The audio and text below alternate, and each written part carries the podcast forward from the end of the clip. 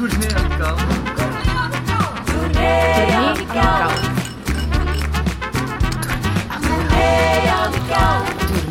Amicaal.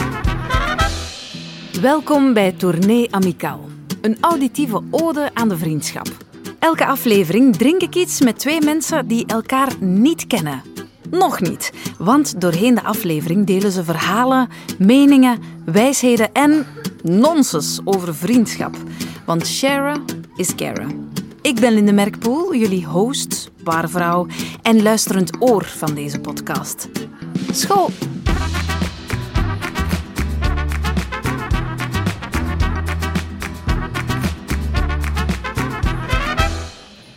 Deze aflevering Amir Bagrouri en Kato Marijnissen. Amir en Kato, welkom. Dank u. Dankjewel. Eerst en vooral, wat drinken jullie van mij? Amir, Ah, gewoon water. water? Kato? Ik ook, alsjeblieft. Oké, twee watertjes. Coming up. Het is plat. Ik heb alleen maar plat in de aanbieding. Dat is top. Ik heb ook voor de liefhebbers sap. Oh, dat wil ik ook wel. Ja? Ja. Yes! Ja, misschien appelsinappel. Gewoon. Vlierbloesemsap. Dat is allemaal te risky, vind ik. Ja? Dus ja, gewoon appelsien. Ja, gewoon appelsien. Ja. Appel. Het is appelsinasappelsap. Oké. Beiden. Ah, mooi. Zie je dit zitten? Ja, ja. Oké. Oela. Ja. Jongens, School. school. School. Santé. Welkom, welkom en aangenaam. Nogmaals, we kennen elkaar nog niet, wij drie. Dus om het ijs te breken, heb ik voor jullie het Speed kennismakingsinvulformulier klaargemaakt. Amir, we beginnen met jou. Ik ben Amir, en ik ben 18. jaar. Ik krijg kippenvel van, Klassieke muziek. omdat Het me raakt. wat je zeker van mij moet weten voor we samen op vakantie gaan is. Enkel zeevakanties. Mijn favoriete one-night stand is, Dua Lipa. omdat eh, ze een aantrekkelijke vrouw is. Ik heb nog nooit. Alcohol gedronken. Als ik in een teletijdsmachine kon stappen, dan ging ik naar, De dood. omdat Ik graag zou willen weten wat er na de dood is. mijn grootste nutteloos talent is. Snel kunnen typen. Amir, snelle typer, dat is toch helemaal geen nutteloos talent? Nee, dat is handig. Ja. Ja, maar misschien wel op mijn gsm, want ik heb daar keihard vaak last van aan mijn duimen. Dus dat is zo Ah, goed. zo. Het is, ah ja, ik zat al op een Ja. laptop. Ik was al op een laptop Nee, nee, bezig. nee, nee, ik dacht dat nee. hier een, een dactylo-kampioen Nee, nee, zat. dat niet. Nee, nee. Ah, maar, maar en ehm, als je typt op je gsm, is dat éénhandig of tweehandig? Ja, ik kan beide, maar met twee is wel sneller. Hij kan beide, dames en heren. ja, beide. Wauw, top. Een eh, ervaren typer, om Ja. zo te. Maar het is niet het enige eh, van jouw talenten. Jij bent voorzitter van de Vlaamse Jeugdraad. In het kort, Amir, wat doet zo'n voorzitter? Eh, eigenlijk gewoon proberen de stem van kinderen en jongeren zo luid mogelijk te laten horen bij beleidsmakers. Oké, je bent 18 jaar en ik zie jou zitten op tv in de afspraak. Je staat in de gazette, je staat in de knak. Je praat met ministers, je praat met journalisten. En dan denk ik, wauw, ambitieuze jongen. Klopt dat? Eh, ambitieus is misschien zo wat te groot voor woord of zo, maar ik, ik, ik zit misschien niet graag stil of zo, laten we het zo zeggen. Ja, oké, we zeggen het zo. Naast die Vlaamse Jeugdraad, Amir, wat moet ik nog over jou weten? Ehm, ik eh, studeer rechten aan de Universiteit Antwerpen, dus ik ga nu naar het tweede jaar en ik ben tegelijk ook vrijwilliger binnen verschillende Antwerpse jeugdwerkorganisaties. Vent toch wat een geëngageerd type. Heb, heb je ook hobby's? Eh, ik speel ook voetbal, maar ja, door corona ligt Ja. allemaal zo'n beetje stil. Oké, wat, wat is je positie op het Eh, ik voetbalplein? ben centrale verdediger. Oké, goed. Kijk goed, leuk dat je er bent. Hier bij ons ook aanwezig Kato. Kato heeft dit ingevuld. Ik ben Kato, en ik ben 20. jaar. Ik krijg kippenvel van, Als er heel mooie muziek tegelijk wordt afgespeeld en daarbij ook nog gezongen. omdat Ik zing zelf ook in een koor en ik vind het supermooi om naar zulke muziek te luisteren. wat je zeker van mij moet weten voor we samen op vakantie gaan is. Ik slaap nog altijd met een knuffel en ik neem die ook overal mee naartoe. Mijn favoriete one-night stand is. Ehm, dat antwoord laat ik even in het midden. Ik heb nog nooit. Een sigaret gerookt. Als ik in een teletijdsmachine kon stappen, dan ging ik naar. Ik denk naar de toekomst, omdat ja, we weten al een beetje alles van het verleden, maar nog niets over de toekomst. Mijn grootste nutteloos talent is. Ik kan mijn oren bewegen. Mocht ik Ingeborg zijn En dit was Blind Date. Mijn ogen zouden echt aan het fonkelen zijn. Want op een of andere manier vind ik jullie wel een goede match. Veel raakvlakken, hè? Ja, een passie voor muziek. Niet gedronken, nog niet gedronken, nog niet gerookt. Ja. Brave types. Brave types. Of misschien het omgekeerde, hè? Jij wel al gerookt en ik Ah al ja, gedronken. nee, maar dat ook niet. Ah ja, oké. Ah, kijk. Ja, goede match. Goeie match. ik eh, ik eh, kijk er naar uit om samen met jullie te praten over vriendschap. Maar misschien eerst, Cato, Ja. die knuffel ja. die jij overal mee naartoe neemt. Ja. Overal? Oké, niet overal, maar toch vrij vaak. Nu? Ja, ja, die zit in mijn zak. Nu willen we hem zien, toch? Ja, ja. Halen, halen. Ja, ik wil hem zien. Moet ik hem echt gaan halen? Ja, ga eens halen. Maar het is echt een vod, hè? Ja, ge- is nog echt- beter. Het het is wordt alleen echt- maar beter. valt echt Haal uit die elkaar, hè. Haal die vod. I'll be back. Heb jij een knuffel, Amir? Eh, nee, eigenlijk niet. Iets anders? Zo, iets waar je mee slaapt of zo? Iets... Nee, eigenlijk niet. Ik, ik ben niet zo gehecht aan voorwerpen, eigenlijk. Ah ja. Daar is ze. Ah. Oh my god, ja, het is echt een voddeke. Ja, sluns. en het heeft een naam en de naam is Sluns. Ja, blijkbaar is dat West-Vlaams voor vod. Ja, Slunsen. Ah ja, voilà. Mijn onthaalmoeder heeft die zo genoemd. Ah dus ja, ja, ja. ja, Wat zou er gebeuren mocht je die ooit kwijt zijn? ik denk echt dat ik eh, een paar weken niet uit mijn bed kom of zo. Allee, jong. Ja. Sluns, oké. Ja. Blij dat we die al gezien hebben. Ehm, die knuffel, die oren die bewegen, dat koor waar je in zit. Ik weet al zoveel leuke dingen over jou, Kato, tof. Maar er is meer over jou te vertellen. Ehm, ik denk niet dat ik lieg als ik zeg dat jouw afgelopen jaren bumpy waren. Klopt. Ehm, in 2018 ben ik in opname gegaan in het UZ Gent op de afdeling eetstoornissen. Ik heb anorexia gehad, dus ja, dat heeft wel een tijdje geduurd, die periode. Dus dat was helemaal niet gemakkelijk. Het afgelopen jaar heb ik daar ook een boek over geschreven. Dat is uitgegeven geweest. Dus ik heb het wel zo een positieve draai kunnen geven. Ja, dat boek heet Liefs Ik. Ja. Gaat over jouw gevecht tegen die eetstoornis. Waarom moest je dat schrijven? Ik had niet het gevoel dat ik dat moest schrijven, eerder gewoon voor mezelf. Iets van, dat kan mij wel helpen om mijn verhaal te delen. Ik zag eigenlijk al van het eerste leerjaar of zo dat ik auteur wou worden. En ik had heel veel dagboeken nog liggen van tijdens mijn opname. En dan tijdens de lockdown, dan dacht ik, ja, ik heb toch niet zoveel te doen. Ik zal die gewoon eens allemaal beginnen overtypen. En dan, ja, een beetje een geheel van gemaakt. En daar een boek over geschreven. Jongens, ik ben impressed. Een voorzitter en een auteur. Hier sta ik dan. Kato en Amir, goed dat jullie er zijn, want ik wil met jullie praten over vriendschap. Ik heb twee stellingen over vriendschap die ik jullie wil voorleggen.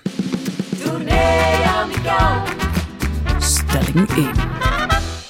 Ik moet iemand al echt heel goed kennen voor ik hem of haar mijn vriend kan noemen. Amir. Eens. Ja? Ja. Ehm, ik denk... ehm, dat is voor mij heel belangrijk dat je ziet... Want ik heb zo het gevoel van... Heel vaak hoor je mensen die zo zeggen van... Ik kan mij heel snel omringen door heel veel mensen en die mensen snel vertrouwen. Maar ik heb zo vaak het gevoel van... Op lange termijn gebeuren er waarschijnlijk iets meer dingen.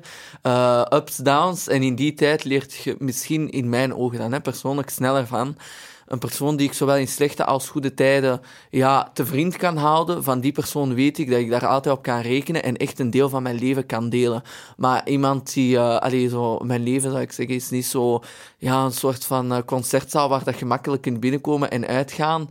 Ehm, en als je, Als je binnenkomt, dan is het in het hart. ja, dan wel. En dan blijf je er, dan moet ik wel het gevoel hebben dat het wel iets voor altijd is. Ja, dus jij verwacht wel wat diepgang in een vriendschap. Oppervlakkige vriendschappen, niet jouw ding. Nee, maar dat is denk ik dan ook eh, een semantische eh, allee, discussie over wat is vriendschap dan exact. En voor mij gaat het echt om, het is iemand die even goed mijn broer of zus had kunnen zijn. Oppervlakkige vriendschappen, hoe sta jij daar tegenover, Kato? Ik ben niet echt voor oppervlakkige vriendschappen of zo. ehm, maar om een antwoord te geven op de stelling. Als ik kijk naar mijn vriendengroep, zijn dat eigenlijk enkel mensen die ik de laatste drie jaar heb ontmoet. Ehm, of toch beter leren kennen. Ja. En dat zijn echt mijn allerbeste vrienden en niet de personen die ik al ken van toen ik nog een klein katootje was. Ben jij het type die gemakkelijk nieuwe mensen leert kennen? Um, dat hangt echt van situatie tot situatie af. Misschien is dat ook gewoon toevallig de mensen die op mijn pad komen, die dan net matchen met mij um, om vrienden mee te worden. Ja, ja, ik vind dat moeilijk om daar echt op te antwoorden. Jij, Amir, je bent net uh, begonnen aan de UNIF. Hè? Jouw eerste jaar zit erop. Nieuwe situatie, nieuwe mensen, nieuwe vrienden. Is dat voor jou dan vlot gegaan? Um, ja, ik heb wel een aantal nieuwe mensen leren kennen, maar er zaten ook wel mensen met mij um, die nu dezelfde richting doen, die ik ondertussen wel al meer als, ja, allee, toch wel meer dan vijf jaar of zo ken. En sommige ken ik echt al van uh, toen ik zes of zeven jaar was. En ik merk wel dat de band met die mensen nog steeds sterker is dan de mensen die ik pas heb leren kennen. Dat heeft er denk ik ook misschien mee te maken dat uh, binnen de UNIF, wij delen waarschijnlijk ook een grote interesse, want wij doen eenzelfde richting, dus we hebben waarschijnlijk wel ongeveer dezelfde toekomstvisie. Uh, wij delen een beetje hetzelfde profiel enzovoort. Dus misschien dat er daardoor gewoon gemakkelijker, sneller raakvlakken gevonden kunnen worden op school. Maar uh, het is niet zo dat ik zou zeggen van die band met hun is even sterk als met degene die ik al zo lang ken. Uh, maar dat kan natuurlijk nog komen. Dus, ja. Je bent, je bent iemand die heel druk bezig is hè, met, met die jeugdraad, met vrijwilligerswerk. Ik zou durven denken van, maar die Amir heeft helemaal geen tijd voor vrienden. Ehm, geen tijd is misschien zo wat te gemakkelijk gezegd of overdreven of zo, maar ik heb wel minder tijd dan vroeger. Maar ik denk dat dat ook uh, voor veel andere vrienden, ja, sommigen doen een studentenjob, uh, sommigen uh, doen andere dingen in hun vrije tijd, sommigen studeren heel het jaar door. Dus ik denk dat het voor iedereen wel zo'n beetje is dat de tijd misschien over, over de hele lijn wat minder is. Maar het is niet zo dat ik ga zeggen van dat ik nooit tijd heb, maar dat ik wel iets minder tijd heb dan in het middelbaar. En voor alle engagementen die dat erbij kwamen kijken, dat is denk ik wel juist om te stellen. Ja, je gaat nu in je agenda moeten schrijven vrijhouden voor vriendschap. Ja, eigenlijk doe ik dat wel soms nu, ja. Meer. Ja. ja. Maar waarschijnlijk weet je zo ook wie dat je echte vrienden zijn, omdat je weinig tijd hebt. En dan degene die dan toch nog bij u blijven en u toch nog supporten als vriend, ondanks al uw engagement en al uw activiteiten, dat zijn dan wel degenen die ja, die dicht bij u staan en die uw beste vrienden zijn. Ja, voilà, want ook, uh, dat is ook zo altijd voor mij iets geweest van... Ik vind wel dat je als vrienden elkaar ook moet steunen um, wanneer dat de ander bijvoorbeeld minder tijd heeft of het voor mhm. de ander iets moeilijker is. En ik zie bijvoorbeeld ook als ik bijvoorbeeld soms ja, ergens moet gaan spreken of zo, dan zijn er soms ook die mee willen gaan uh, of die zelfs gewoon meegaan en zeggen van ja, ik ga mee. Meestal zeg ik dan dat dat niet hoeft en dat het te veel moeite is, maar er zijn er soms wel die echt zeggen van ik kom wel mee. En dat is voor mij ook zoiets van oké, okay, als jij jij bijvoorbeeld niet kunt, uh, of uh, ik kan bijvoorbeeld met u wel meegaan, ja, dan doe ik dat gerust wel. Maar dat is voor mij wel vriendschap. En ik heb in mijn ervaring leert mij dat dat heel moeilijk is met mensen die dat je pas kent. Zo. Dan is het vaak zo, je kent elkaar zo één week heel hyped en na een week is die, ja, dat vuurtje of zo al wat uitgedoofd. Ja, dat is wel een, een belangrijk verschil dat ik bij jullie uh, opmerk. Jouw echte, diepe vriendschappen, Amir, die they go way back. En ik hoor jou zeggen, Kato, ja, maar mijn echt beste vrienden, die heb ik eigenlijk pas de afgelopen jaren leren kennen. Hoe weet je dan als je iemand nieuw leert kennen van... Jij zit er een. Jij komt in dat hartje terecht. Ik denk gewoon, als ik echt 100% mezelf kan zijn, dat ik niet het gevoel heb van ik moet mij hier voordoen als de beste versie van mezelf. Uh, ik heb heel vaak het gevoel dat ik mij moet bewijzen of zo als persoon. Van oei, mensen moeten mij leuk vinden. Um, ik moet hier grappig zijn, ik moet hier leuk zijn, ik moet tof gevonden worden. En ik denk vanaf dat ik dat gevoel niet heb en dat ik gewoon kan zeggen van oké, ik zeg gewoon maar iets en slaat het op niets en slaat het helemaal op niets. Maar die accepteren mij nog altijd en die willen nog altijd dingen met mij doen. En ik heb het gevoel dat ik daar alles tegen kan zeggen wat er op mijn lever ligt, dan ja, dat klinkt nu ook zo kort door de bocht, want het gaat over veel meer dan dat alleen. Maar ik denk wel dat dat iets heel belangrijk is. Ja, ik snap het ook wel. Want in jouw geval, jouw vrienden, jouw echte vrienden, die hebben de afgelopen jaren niet misschien altijd de meest vrolijke versie van Cato gezien. Hè? met het, met het, het, het eetstoornis gegeven. Ja kan ik mij voorstellen dat je wel een schouder nodig hebt gehad om op te leunen. Ja, en in zo'n periode merk je dat ook wel echt, wie dat je vrienden zijn en wie niet. Want ik ben daar ook heel veel vrienden door verloren. En dat zijn dan de vrienden die ik al heel mijn leven kende, bij wijze van spreken. We moeten dringend naar de volgende stelling. Want dat is de volgende. Vrienden moeten achter je staan, no matter what. We zijn er eigenlijk al een beetje eh, over aan het babbelen. Kato, Ja. je hebt een moeilijke relatie met eten. Ik wil zeggen gehad, maar ik vermoed dat dat jouw leven lang zo zal Dat blijven. gaat altijd wel een beetje zo blijven, hè? maar het is wel echt al eh, heel, heel, heel veel beter. Maar in het heetst van die strijd, Ja. in, in jouw eetstoornis, wat verwachtte jij toen van jouw vrienden? Ik denk gewoon een luisterend oor. En dat ze er waren. Gelijk de stelling achter u staan. Ik vind het ook belangrijk om gewoon ernaast te staan. En dat ik er ook voor hen kon blijven zijn. Want ik snap wel dat ik heel kwetsbaar was op dat moment. En dat mensen voor mij wouden zorgen. En dat is ook wat ik op dat moment nodig had. Maar toch had ik altijd het gevoel van... Oh, maar ik wil er ook voor jullie zijn. En ik wil jullie ook helpen. Dus ik denk gewoon dat dat iets gelijk moet zijn. En dat je allebei er even hard voor elkaar moet zijn. Ook al gaat het op dat moment met de ene persoon een beetje slechter dan met de andere, maar dat kan ja, een paar maand, jaar later omgekeerd zo zijn. Ja. Amir, ik, ik zie jou eh, geboeid luisteren. Ken jij nog andere mensen die kampen met dat probleem met eetstoornissen? Of is dit nieuw voor jou? Ik heb wel ooit een eh, klasgenoot gehad eh, in het middelbaar die ook eh, kampte met een eetstoornis, maar niet zo echt in een dichte kring of zo. Ja. Dus ik ben niet echt familiar to the problem. Ja, ja, issue. Ja. Wat mij zo moeilijk lijkt, is dat jij daar in een, op een bepaald moment, corrigeer me als ik fout ben, jij wou niet meer eten, jij wil magerder worden. Wat verwachtte jij toen van jouw vrienden? Moesten die jou daarin steunen of weerwerk bieden? Ehm, op dat moment wou ik eigenlijk gewoon dat mijn vrienden een, ehm, een manier van afleiding waren. Dat die mij gewoon de roddels van op school konden vertellen. eh, met mij spelletjes konden spelen en die dingen. En niet mijn probleem oplossen. Want ja, zij zijn daar niet voor geschoold en die hebben daar geen diploma voor. Dus ik verwacht dat ook helemaal niet van hen, dat zij dat kunnen Je oplossen. wou het met hen niet over die eetstoornis hebben? Ik wou het met hen zeker daarover hebben en gewoon een beetje vertellen hoe dat daar in het ziekenhuis was, hoe dat ik me op dat moment voelde en gewoon eens mijn hart kon luchten. Maar ik, had, ik verwachtte nooit van hen dat zij een oplossing of zo zouden bieden. Of, ja. Je zei ja. daarnet dat je vrienden bent verloren, hè, die Ja, periode. Hoe klopt. kwam dat dan? Ja, ik, ik was echt niet mezelf. Dus ik snap ook dat ik een heel lastig persoon ben geweest om mee om te gaan soms. Ehm, dat weinig mensen wisten wat dat ze tegen mij konden zeggen, mochten zeggen. Ik heb mij ook heel hard sociaal geïsoleerd. Ja, bijna naar niemand berichtjes gestuurd, met niemand afgesproken. Ja, ik lag ook in het ziekenhuis, dus dat ging ook niet. En het is verwaterd. En het is echt gewoon verwaterd. En ja, nu hoor ik daar niets meer van, van veel van hen. Dat vind ik zo'n beetje jammer soms zo aan vriendschappen, dat dat ineens zo...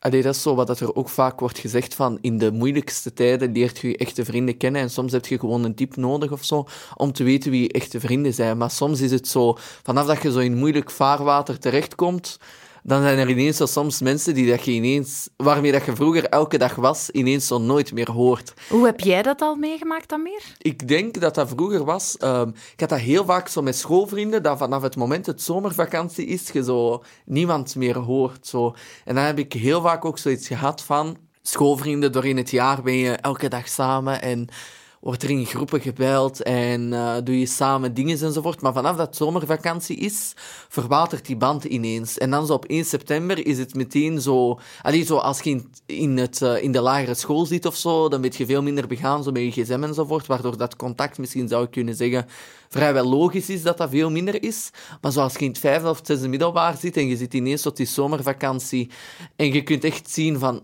het is echt naar beneden gegaan. En dan ineens september wordt er gedaan alsof er niks is gebeurd.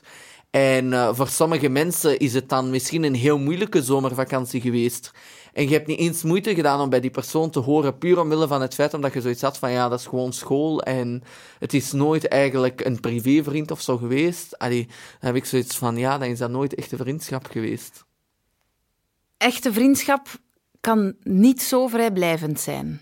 Nee, ik vind Je van- verwacht echt een investering. Ehm, eigenlijk wel. Ehm, en dat is ook eh, wat Kato net zo'n beetje zei. Van, ik, ik wil soms ook zoiets terugdoen, omdat ik het gevoel heb dat te veel eenrichtingsverkeer is.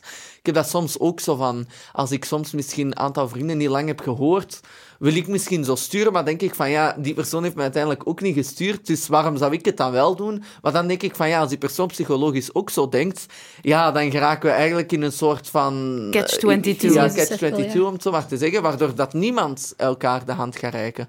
Dus dat is wel voor mij van vriendschap. Je moet er alle twee wel, allee, allemaal, of gewoon alle twee tijd voor willen vrijmaken, dingen willen doen, eh, elkaar van dingen op de hoogte willen houden en ook soms eens wat tegengas durven te geven. Want ik vind dat bijvoorbeeld heel belangrijk, dat als ik eh, soms iets snel eh, tweet of zo, dus die snel typende duimen, dat leidt soms ook tot iets te snelle tweets, dat iemand wel durft te zeggen van ja, wat je daar zei, dat is toch wel gek of zo, of eh, dat zou ik beter niet gedaan hebben. En dat vind ik soms wel belangrijk, zo... ehm, op die manier. Dus als ik ooit professioneel of zoiets zal doen en mensen herkennen zich daar niet in, Dat, ze dat, dat een echte vriend dat ook tegen jou ja, durft te zeggen. te dus zeggen. als we dan terugkeren naar de stelling, vrienden moeten achter je staan, no matter what, wil niet zeggen dat ze constant ja knikken met alles wat jij doet. Ja, nee, zeker Als of het nu gaat over, ik heb besloten dat ik niet meer ga eten, of ik heb besloten om deze dommigheid op Twitter te zetten. Ik denk wel dat er ook een beetje zo'n soort van verschil is tussen verschillende dingen. Want stel bijvoorbeeld, ik ga zeggen, ja, ik ga ehm, deze richting bijvoorbeeld studeren en je gaat tegen mij zeggen van nee, ik zal dat niet doen, want dat is te hoog gegrepen.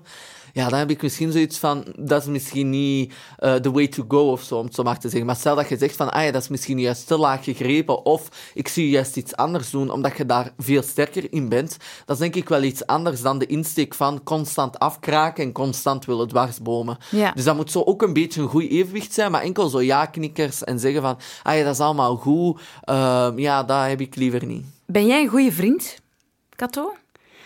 Ik hoop dat. Dat is moeilijk om te zeggen, hè, want ja, je bent je eigen vriend. Of ja, dat zou eigenlijk ook moeten. Ik ging zeggen, je bent je eigen vriend niet, maar eigenlijk zou het je eigen vriend wel moeten zijn. Ehm, maar ik hoop wel dat als ik... Stel dat mijn vriendinnen hier nu naast mij staan, dat zij wel kunnen zeggen dat ik dat wel ben. Amir? Ja, ik denk, eh, of dat je zelf een goede vriend bent, ik denk dat dat altijd moeilijk is om vanuit mijn eigen perspectief te bekijken en dat dat vooral iets voor iemand anders is. Eh, om daarover te oordelen, maar ik heb niet het gevoel dat Zo'n ik Cheven aller- antwoord. Ja, ja, ja. dat is eigenlijk niet. maar ja, dat, is, ja, dat ziet je, hè. Beleid en Zou politiek je, is zou, heel je, diplomatisch. zou je graag een vriend van Amir zijn? Ehm, ik zou misschien wel ja zeggen. Eh, maar waarom? Je twijfelt toch? Ja, ja. het, is, het is misschien zo wat... Ik denk dat voor veel mensen het misschien zoiets is van... Omdat het zo... ehm, ik spreek gewoon altijd echt mijn rem op tegen mensen die dat ik pas leer kennen. Ehm, en dat is misschien voor heel veel nieuwe mensen misschien te frustrerend, omdat ze zoiets hebben van... Die laat het achterste van zijn tong ja, niet, niet zien. zien. En wij hebben ook eigenlijk... Ik heb nu het geluk, we zijn met een vriendengroep van een viertal mensen. En eigenlijk zijn wij zo heel close met elkaar. En voor buitenstaanders, om daar binnen te komen, is heel moeilijk. Dus dat is echt zo'n inner circle, die- waar je niet makkelijk binnenkomt. Ziet jouw inner circle een totaal andere Amir dan degene die wij hier nu zien zitten? Dat zou ik niet... Allee, totaal anders is misschien zo wat... Een gek, losbandig beest. Nee, nee, dat misschien niet. Allee, ik ben zelf niet... Allee, het is niet dat, je, dat ik ineens zo eh, allee, twee personaliteiten in mezelf heb en dat ik hier een persoontje neerzet en daar ergens anders. Maar ik denk dat je daar misschien wel een iets eh, ja, eh, minder formele kant of zo ziet. Ja. Of zo. Ja. Wat komt er bij jou naar boven als jij omringd bent door jouw echte vrienden, Kato? Ben je daar een andere Kato dan degene die ik hier nu zie zitten? Ik denk het niet. Ik denk dat ik...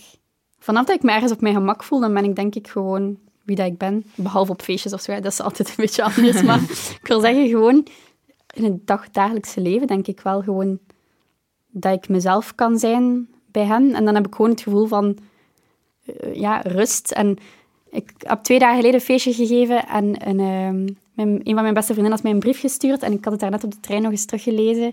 En ze schreef van, ja, je bent een thuis voor mij, geen huis, want een huis is iets gebonden aan een locatie, maar gewoon een thuis, een, een gevoel van ergens horen, een gevoel van rust. Zo, dat, ik vond dat super mooi verwoord dat ze dat zei. En ik denk dat ik dat ook voel als ik bij mijn beste vrienden ben. Gevoel van thuiskomen.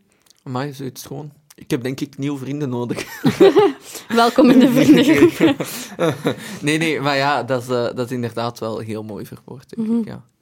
Ja, of jouw vrienden schrijven geen brieven, hè? Ja, dat is, dat is ook waar. Maar ze maken beter video's. Dus, eh, Ah, voilà. Ja. Iedereen zijn eigen manier op mij. Zo voor verjaardagen enzovoort. Zo'n dingen die in elkaar knutselen. Oh, leuk. Wat ik natuurlijk niet kan. Dus.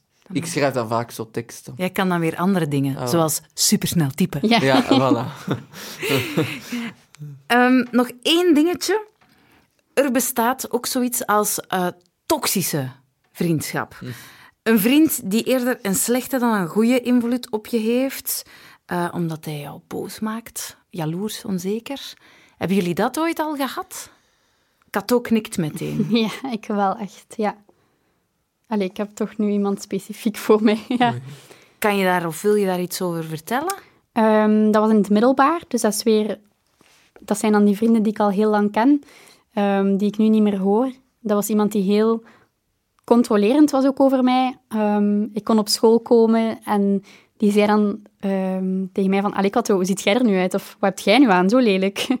Of we kregen een toets terug en ik had een 7 op 10 en dan keek ze naar mijn blad en dan zei ze... Allee, maar zet jij dom of zo? Ik heb wel een 9. Allee, dat was gewoon continu, elke dag opnieuw en dat was En enorm toch was dat een so-called Dat was friend. mijn beste vriendin. Dat was jouw beste vriendin. Ja, en ik kan daar nu zo boos allee, over worden, op mezelf ook soms, van, allee, waarom heb je je daardoor laten doen? Of waarom heb je nooit gezegd van, hé, maar kijk, ik vind dat echt niet tof hoe dat je nu, allee, hoe dat je mij nu behandelt, maar ik durfde dat echt niet. Terwijl ik dat nu wel zou durven. En misschien is dat ook de reden waarom ik nu wel de juiste vrienden heb. Wie is nu jouw beste vriend of beste vriendin? Ehm, ik heb er drie. Ik kan niet kiezen tussen, tussen Ik heb er ook drie. Toevallig nog een match. Ja, yes. ja. En die pakken het beter aan, Ja, vriend zijn van jou. En die ken ik alle drie nog maar maximum drie jaar. Die toxische vriend, was het moeilijk om die te lossen, om die uit je leven te bannen? Eigenlijk door de eetstoornis ook, dat ik die ben kwijtgeraakt. Dus Dank u, eetstoornis. Ik ging net ook hetzelfde zeggen, maar dat klinkt zo verkeerd. Maar ja, eigenlijk is het wel een beetje zo. Dus Ja, maar het is ook een beetje wat Amir daarnet zei. Hè? Door, door donkere periodes te gaan, ja, het is wel een soort van natuurlijk selectieproces Ja. of zo. klopt. Alleen de goeie blijven over. Ja, Of ze blijven niet over en Nee. dan kies je de nieuwe. ja voilà. Korte samenvatting. Jongens, bedankt voor al die eh, ja, emoties en goede verhalen. Er rest ons nog één ding. En dat is grabbelen, graaien, roefelen en snijden een dilemma. Ehm, dat je zelf mag trekken uit onze Youths Dilemma pot. Ik kom ermee rond.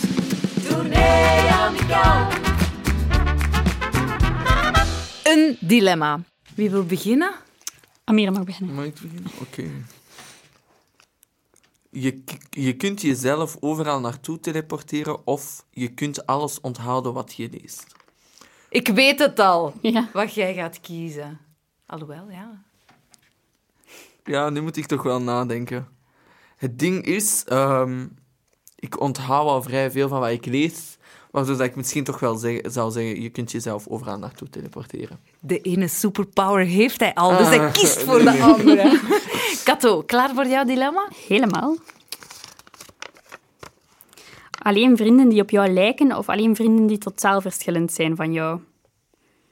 Ehm, oh, dat vind ik echt nog een moeilijke vraag. Totaal verschillend denk ik niet. Want anders zou ik die persoon ook niet, niet zo goed hebben leren kennen, denk ik. Moest iemand helemaal van mij verschillen, dan heb ik misschien snel het idee van, ah, wij matchen niet. Ehm, Het is een dilemma, ik had ik weet het, ik weet het. Ik moet kiezen, ik moet kiezen. Ehm, dan, dan zou ik toch zeggen die op mij lijken. Niet 100%, maar toch in een bepaalde vlakken wel, omdat je zo wel dingen kunt doen met je vrienden die ik belangrijk vind en die vinden zij dan ook belangrijk. Zo een beetje dezelfde waarden en normen. Ik denk dat dat wel belangrijk is in een vriendschap. Ik zou hetzelfde gezegd hebben. Zoiets grijs Ja. ertussenin. Ja, dat is het ding met dilemma's. Hè. Het is Ja. wit of Dat is zwart, hè, jongens. moeilijk. Ah. Ah, Amir en Kato, meneer de voorzitter, mevrouw de, mevrouw de auteur, bedankt om jullie gedachten en jullie verhalen met mij te delen. Succes met alles wat jullie nog doen de komende tijd. Ehm, waar studeer jij rechten, Amir? eh, hier in Antwerpen. Dus Antwerpen is echt stad voor mij toffe studentenstad, hè? Ja, ja, ja. ja. De rest is ook parking. nee, nee, nee, nee, nee. Hierop matchen we niet. Eh. Gent is de stad, hè. En jij studeert Tournee. Tournee kou. Amical is een podcast van Youths in samenwerking met het Geluidshuis. Ik ben Linde Merkpoel, uw host. Verder hoorde je de stemmen van Amir Bagrouri en Cato Marijnissen. Regie en concept Leen Renders. Opname, mix en montage Bram Kouwmans. Muziek Roombaristas. Achter de schermen Anne Smet, Katarina Martinovski en Marijke Gutens. Surf naar tourneeamicaal.be voor meer info. Heb je genoten van deze aflevering? Laat dan een recensie achter. Zo vinden anderen makkelijk de weg naar deze podcast.